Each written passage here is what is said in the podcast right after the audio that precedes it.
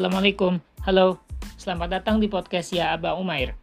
Ya Aba Umair adalah penggalan dari teks salah satu hadis Rasulullah Shallallahu Alaihi Wasallam. Lengkapnya adalah Ya Aba Umair ma fa'alan nughair. Atau Rasul Shallallahu Alaihi Wasallam. Hadisnya secara teks sangat singkat, tapi konteksnya itu sangat bermakna dan kita bisa menghabiskan sangat panjang waktu membicarakan pelajaran-pelajaran yang bisa kita dapat dari uh, hadis tersebut gitu baik terkait hukum-hukum fikih maupun terkait uh, etika dan ajaran-ajaran uh, moral dan perilaku gitu ya Rasulullah yang kita bisa contoh dari Rasulullah Shallallahu Alaihi Wasallam. Podcast ini adalah media Obi untuk sharing skill-skill dan hal-hal lain yang Obi pelajari dari Kompas yaitu sebuah uh, klinik penanganan kesehatan mental uh, di Chicago yang Obi sedang uh, mengikuti sebuah program di sana kayak gitu. Yaitu bisa dibilang semacam terapi intensif gitu ya. PHP IOP jadi dari pagi sampai siang Obi ada di Kompas dan belajar banyak hal. Uh, Obi mau sharing itu sekaligus mau uh, merekamnya mendokumentasikannya sekaligus uh, mau menyampaikan ulang sekadar supaya memperkuat uh, ingatan Obi. Semoga yang mendengarkan bisa mengambil manfaat dari podcast ini. Selamat mendengarkan. Assalamualaikum Assalamualaikum. Uh, Sekarang hari Rabu tanggal 26 Mei. Uh, pulang dari Kompas ke rumah. Um, Ya tadi baru aja selesai uh, Family session Family therapy session sama Nida. Nah. Ya jadi biasanya kan selesai dari kopis itu jam 2.30 nah sementara tadi mulai family therapy sessionnya itu jam 2.15 jadi ini jam 3.15an ini baru selesai gitu satu jam. Nah sayangnya ada ada ini ya apa ada miskomunikasi gitu sama terapisnya jadi pekan lalu pas pertama kali Abi ketemu terapisnya bilang bisa in person kayak gitu. Ya udah alhamdulillah Abi memang punya strong preference untuk in person terapinya gitu. Uh, ternyata tadi siang malah dikirim link zoom sama sama dia gitu ke Bobby dan Kanida karena bingung mau langsung kontak kok zoom link link zoom bukannya mau in person dulu lagi lah. Ternyata maksudnya adalah hobinya in person tapi nidanya virtual tetap kayak gitu gitu sebenarnya kalau emang dari awal lebih tahu kayak gitu ya nggak apa-apa. Maksudnya ya emang kalau misalnya kayak gitu gitu. Cuman uh, ya karena ada miskom itu jadi kayak ya salah satu yang inilah manusia nggak suka gitu ya. Termasuk kopi adalah perubahan rencana gitu change of plan. Karena kita kayak Abu udah bikin rencana berdasar itu kayak gitu loh. Oleh ama uh, ama Lida mau ke mana habis itu terus jadi nggak jadi meng, apa jadi nggak melakukan sesuatu karena apa itu jadi nggak bawa laptop untuk lanjut stay di Kompas setelah sesi gitu karena tahu mau ada family terapi gitu maksudnya kalau kalau ternyata family terapinya itu apa namanya virtual gitu ya Obi tadi bawa laptop gitu untuk kerja habis itu di Kompas itu cuman ya udah nggak apa-apa gitu ya laptop bisa tadi berjalan gitu. Terus ke depannya ya udah akan virtual untuk sementara gitu. Jadi yang bukan pasien nggak boleh masuk gitu. Uh, ya karena ada standar-standar ini ya apa jumlah orang di gedungnya berapa banyak kayak gitu-gitu terkait covid. Tom Danzi udah Tom Danzi segera diangkat ya begitu itu tentang family terapi terus um, ya sebelum masuk ke materi. Jadi mat materi. Kayak lagi ngajar aja. Ya sebelum masuk ke topik kita uh, siang hari inilah. Um, nah uh, satu hal lagi mau lebih share adalah um, ini nggak full dari semua yang hobi pelajarin gitu sayangnya. Karena kayak sangat banyak gitu yang hobi pelajarin. Um, uh, ya ingin aja misalnya perjalanan pulang kan cuma setengah jaman lah atau kurang gitu. Nggak uh, banyak yang hobi bisa share dalam waktu segitu gitu. Pilihannya kalau mau nge-share banyak kali ya jadinya nggak dalam kayak gitu loh. Sementara hobi eh, nggak mau mengorbankan uh, the depth gitu ya kedalaman dari topiknya kayak gitu loh. Ngasih contoh apa pengennya gitu. Pengennya tetap bisa uh, kayak gitu. Uh, jadi uh, ya 30 menit satu sesinya. Misalkan tapi jadinya milih gitu kan milih sesi yang mau di share dan biasanya sesi yang paling terakhir uh, Obi ikutin gitu itulah yang Obi share. Uh, itu setelahnya. Nah uh, sementara satu sesinya aja di Kompas itu eh hijau. Kompas itu sekitar uh, berapa? Sesi yang terakhir deh tadi itu kalau tadi nggak ada family jadwal family terapi itu dari jam 1 lewat 10 sampai jam 2.30 kayak gitu. Jadi satu jam 20 menit ya. Iya satu jam 20 menit gitu. Satu setengah jam kurang lah. Nah jadi ya memang mesti dikompres kayak gitu. Jadi misalnya ini kayak hari ini nih tadi itu ada materi yang bagus banget sebenarnya gitu. Uh, yang sebelum istirahat makan siang yaitu ACT gitu. Jadi overview terkait uh, eh, ACT atau action and eh action lagi acceptance and commitment therapy kayak gitu. Dan ternyata dari situ Obi dapat wah ini di antara yang paling paling berharga nih Obi pelajarin di sini kayak gitu. Obi pengen belajar lebih banyak lagi tentang ACT gitu pengen mempraktekkan uh, ya tapi Obi pikir kayaknya kalau Obi ngomongin ICD akan lama banget dan catatannya banyak kayak gitu tadi itu uh, karena kayak di antara karakteristiknya adalah ini ya sangat sangat peka terhadap pilihan-pilihan kata gitu. Karena kayak ya words have meaning gitu. Kata-kata itu pilihan kata-kata itu punya makna kayak gitu. Uh, jadi Obi nggak share tentang SCT mungkin kapan-kapan salah bagian salah satu bagian dari SCT aja gitu ketika nanti ada kelas lagi tentang SCT jadi yang mau share adalah tentang um, materi yang tadi sebelum Abi di, dipanggil oleh family therapist untuk untuk datang ke sesi family terapinya gitu yaitu wise mind. Jadi tadi kan Abi di, di, dipanggil tuh sekitar jam 2 10 lah. Jadi udah lumayan sekitar sejam lah sesi. Oh sebenarnya sorry sesi wise mind udah selesai justru tadi itu pas di, um, dipanggil itu lagi sesi sama uh, nurse sama perawat. Jadi tiap hari Rabu kayak sekitar 20 menit terakhir gitu sebelum pulang itu itu memang sesi namanya uh, small skills gitu ya. Jadi ada hal-hal ya bisa relatively uh, kecil gitu yang yang kita bahas gitu. Nah kalau hari Rabu itu itu adalah sesinya perawat gitu sharing tentang sesuatu. Dan fokusnya itu ternyata itu seeds gitu yang waktu itu udah share juga. Uh, sleep hygiene eating eating uh, healthily exercise uh, doctor's order dan S-nya open ended ya bisa. Self care self compassion spirituality sobriety even sexuality gitu jadi sesuatu yang uh, apa yang rewarding ourselves in a good way gitu. Ya kalau pilihan lebih sih spirituality gitu.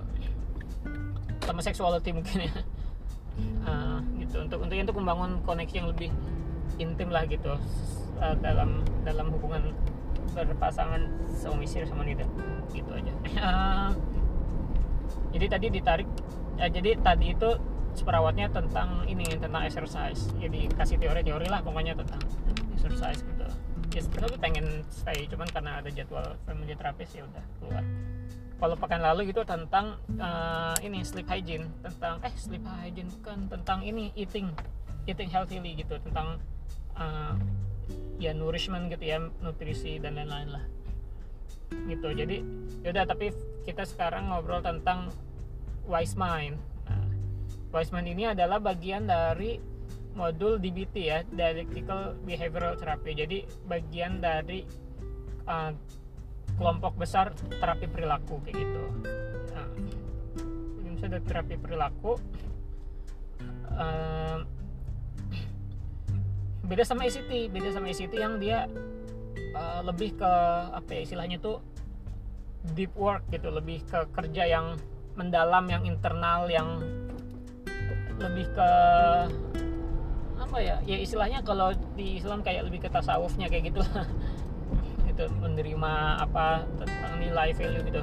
Memang salah satu yang lebih suka gitu dari Kompas dan ya baru baru ngeh pas udah di sini sebenarnya justru gitu adalah sangat ini sangat value centered kayak gitu. Walaupun value-nya apa itu open ended gitu terserah ke tiap orang-orang. Cuman uh, asumsinya gitu adalah ketika kita uh, bertindak sesuai dengan nilai-nilai yang kita anut kayak gitu itu selalu bagus buat kita kayak gitu loh. Jadi nggak ada misalnya istilahnya semacam uh, value dissonance mungkin ya. Is is if if there is even a word for that gitu. Uh, jadi kayak kalau kita bertindak berperilaku tidak sesuai dengan nilai-nilai kita itu akan merugikan kita kita secara perasaan kita mentally dan lain-lain kayak gitu kalau kita sesuai kita bertindak sesuai nilai-nilai yang kita anut kita akan ya istilahnya punya hidup yang lebih bermakna lebih merasa otentik lebih um, ya kayak gitulah lebih kaya gitu lebih ya gitulah positif lah intinya. Nah gitu. Nah tadi balik lagi ke main mind wise. Nah mind wise ini jadi dia adalah sebu ada dia adalah diagram Venn ya uh, dua dua lingkaran yang punya irisan gitu. Jadi ada lingkaran di kanan lingkaran di kiri. Nah terus lingkarannya itu tuh uh, bersentuhan bahkan lebih dari bersentuhan tapi saling punya overlap saling jadi mereka punya irisan satu sama lain itu nah biasanya digambarkannya lingkaran ini sebenarnya nggak terkait dengan ini ya dengan uh, otak kanan otak kiri yang kepribadian dan apalah. Itu karena uh, memang bukan ngomongin itu dan menurut Obi itu tuh nggak nggak apa ya nggak not very helpful gitu nggak terlalu membantu gitu sebenarnya. Karena nggak sesederhana itu kayak gitu otak kita.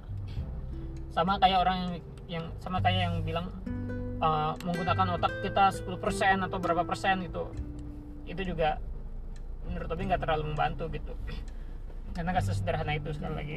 Um, nah jadi tapi digambarkannya yang di lingkaran kiri itu adalah uh, rational mind gitu. Jadi pikiran yang uh, rasional kayak gitu ya. Yang sebelah kanan adalah emotional mind pikiran yang emosional kayak gitu. Nah di tengah-tengah itulah irisannya gitu. Berarti bentuknya kayak apa ya? Kayak nggak tahu itu apa nama bentuknya. Kayak irisan gitu kayak iris iris uh, di mata itu ya. Uh, apa itulah wise mind gitu ketika emotional mind beririsan dengan uh, rational mind gitu. Jadi tadi kita ngelis tuh uh, apa aja sih yang kita rasakan apa yang what comes to my to our minds lah gitu. Apa sih yang yang yang berhubungan dengan emotional mind kayak gitu. Misalnya apa? Misalnya marah sedih uh, mulai dari hal yang yang konotasinya negatif juga konotasinya positif kayak gitu misalnya yang konotasi negatif apa? Marah sedih dendam benci apalah segala hal. Uh, sama juga yang konotasi positif kayak uh, rasa cinta uh, ma rasa maaf gitu ya. Uh, apalagi kasih sayang uh, kepedulian dan lain-lain lah. Gitu. Terus kita list juga yang tadi yang negatif-negatif positif. Positif kita list juga kayak karakter-karakter di ini ya di popular culture gitu, di dunia hiburan gitu. Uh, yang yang er, apa kita bisa men, menilai dia adalah tipe karakter yang uh, emotional mindnya uh, dominan kayak gitu. Uh, contohnya adalah uh, Kelly di series The Office ya. Jadi intinya orang jadi uh, orang yang apa ya, selalu kayak kalau bahasa Indonesia sederhananya bahasa sehari-hari kayak lebay gitu ya. Lebay drama. Uh, drama queen kayak gitu. Itu itu emotional mind maksudnya. Itu nah. Terus uh, jadi tadi awalnya ini ya pas uh, bagus sih ininya apa proses didaktiknya ya pedagoginya bagus. Jadi kayak yang kita list tuh yang negatif negatif dulu. Padahal nggak di nggak diminta kasih tahu yang negatif cuman yang datang memang secara intuitif tuh yang negatif negatif gitu. Kayak kita ngomongin ngomongin emosi gitu ya. Nah terus kemudian setelah di list yang negatif itu lalu si John terapisnya bilang ini jelek jelek semua gitu. Buat apa kita punya emotional mind kalau gitu kayak gitu loh. Uh, mendingan kita punya rational mind aja gitu kan. Nah habis itu baru diajak nulis yang positif positif juga gitu. Oh kita nggak bisa ternyata menghilangkan emotional mind kayak menutup mata kita dari pikiran dari aspek emosional kita kayak gitu. Karena di situ juga lah gitu ya di di aspek emosional mind itu juga lah selain kita bisa menemukan yang negatif-negatif seperti dendam dan apalah tadi tadi itu di situ juga kita menemukan yang tadi kita udah list juga kasih sayang, cinta, uh, keampunan, uh, dan lain-lain kayak gitu, uh, kepedulian gitu, seterusnya, kedermawanan dan seterusnya gitu. Jadi ternyata kita butuh uh, emotional mind kayak gitu, tapi jangan sampai terjebak di emotional mind gitu. Sebenarnya harusnya konsepnya udah udah kebayang gitu ya bahwa wise mind itu uh, pikiran yang bijak itu adalah yang uh, seimbang gitu dua-duanya tawazun gitu. Nggak terlalu emosional tapi juga nggak terlalu uh, rasional kayak gitu.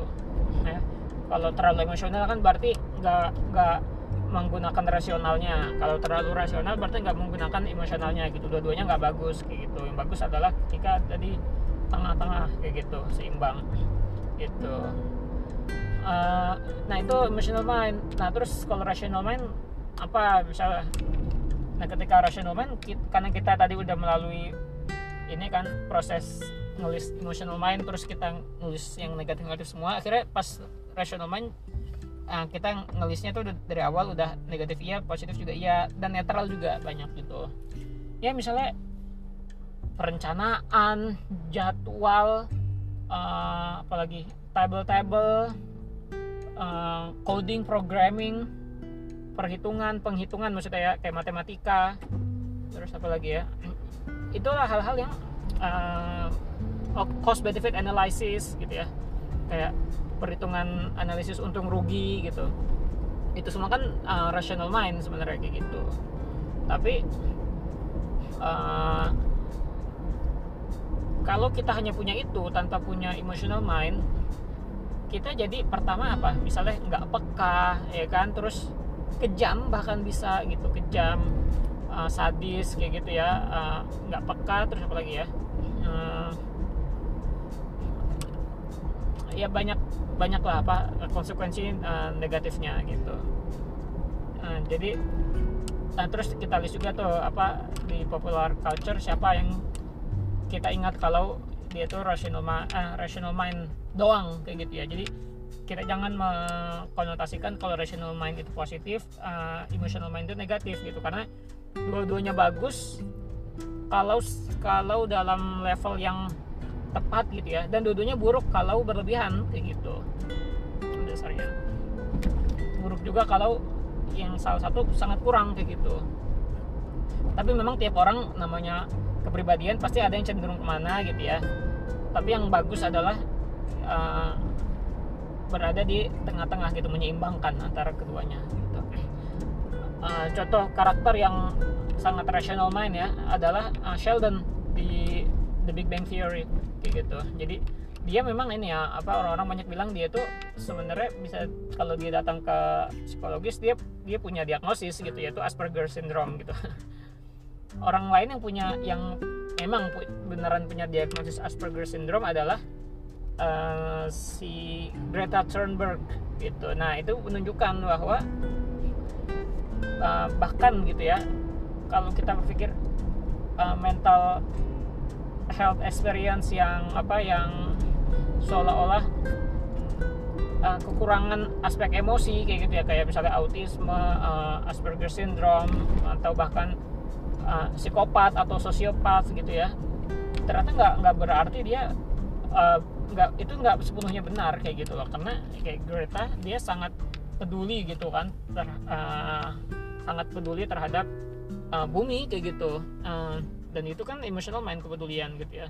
Bahkan Sheldon uh, dia bisa merasakan cinta dan kasih sayang gitu. Makanya dia nikah sama Amy di The Big Bang Theory walaupun dia yang kalau dalam klasiknya uh, bahasa sehari-hari ya. Kalau tadi kan emotional mind bahasa sehari-harinya adalah lebay drama gitu ya.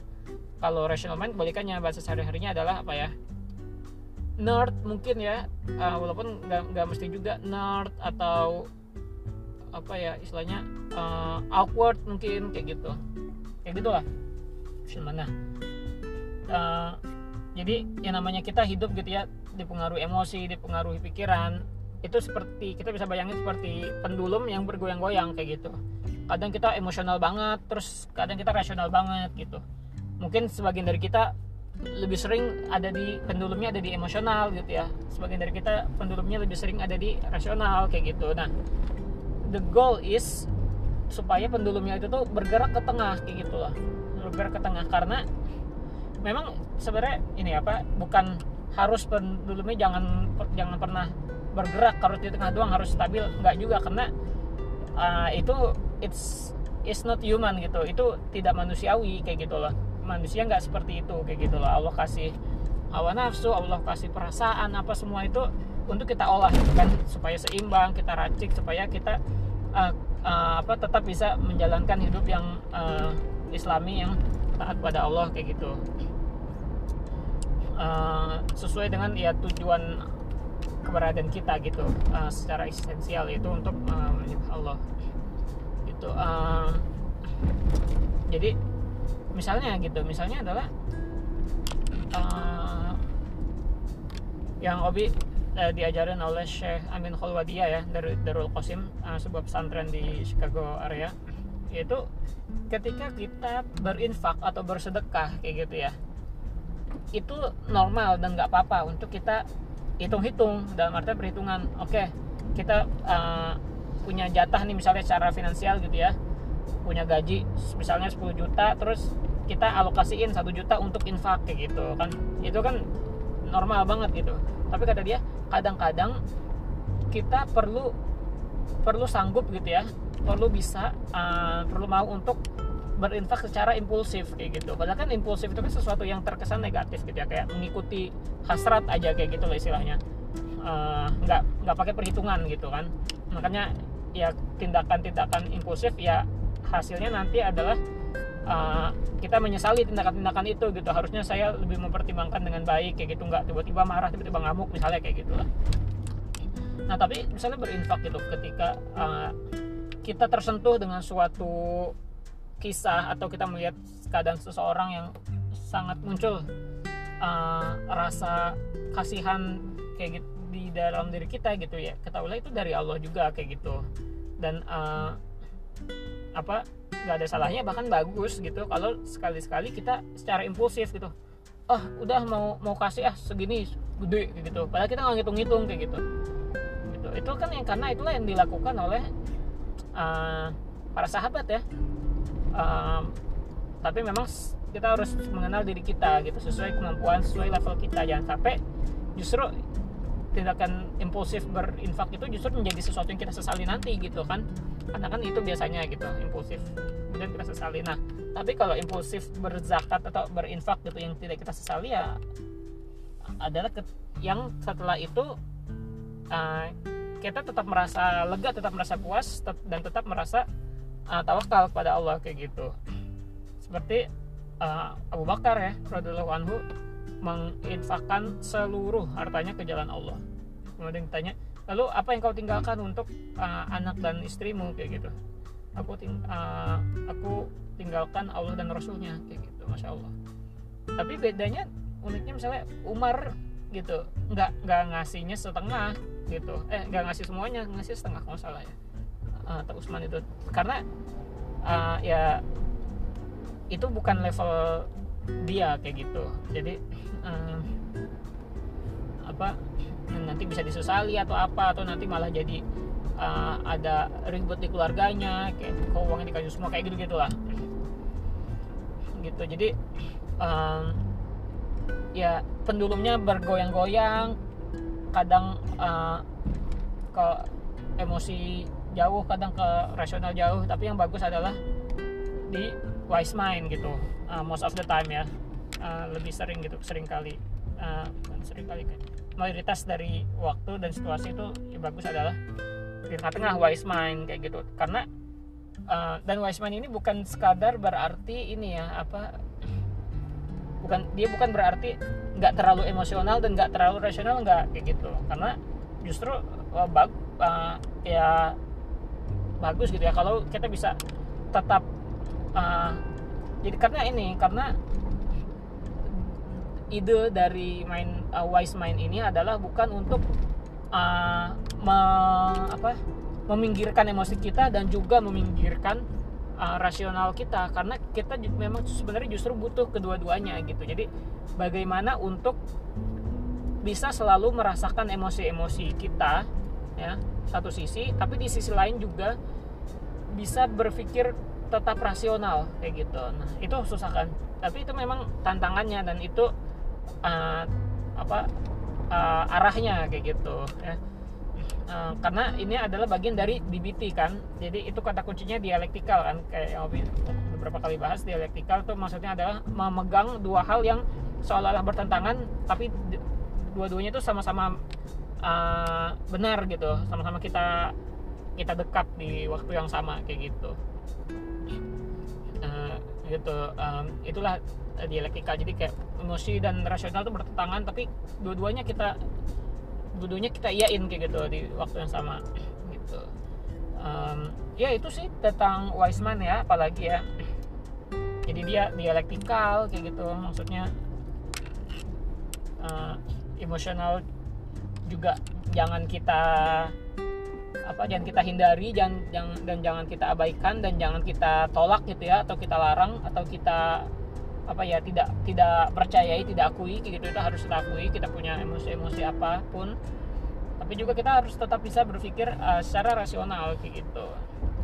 Ya, dan juga ya sebaliknya uh, kita uh, kita perlu bikin di saat kita perlu bikin apa perhitungan-perhitungan rasional kayak gitu ya.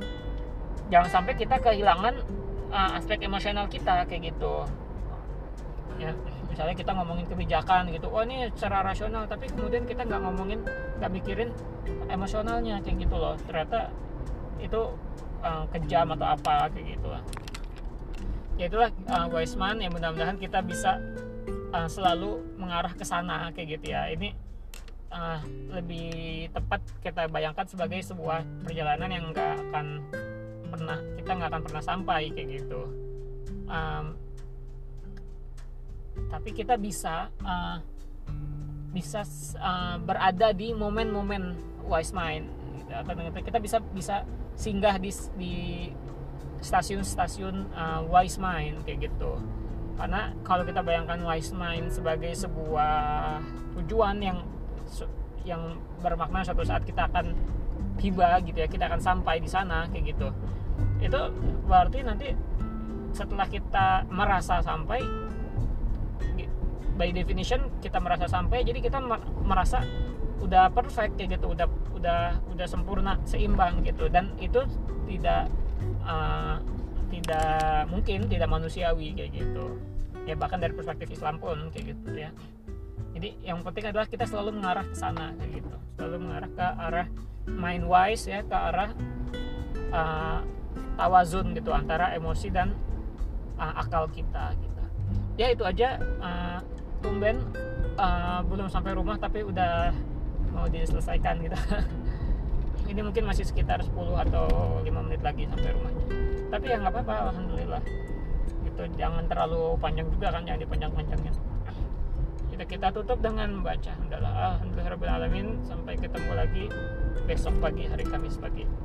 Kita mudah-mudahan bisa ngomongin tentang ACT sedikit ya. Oke assalamualaikum warahmatullahi wabarakatuh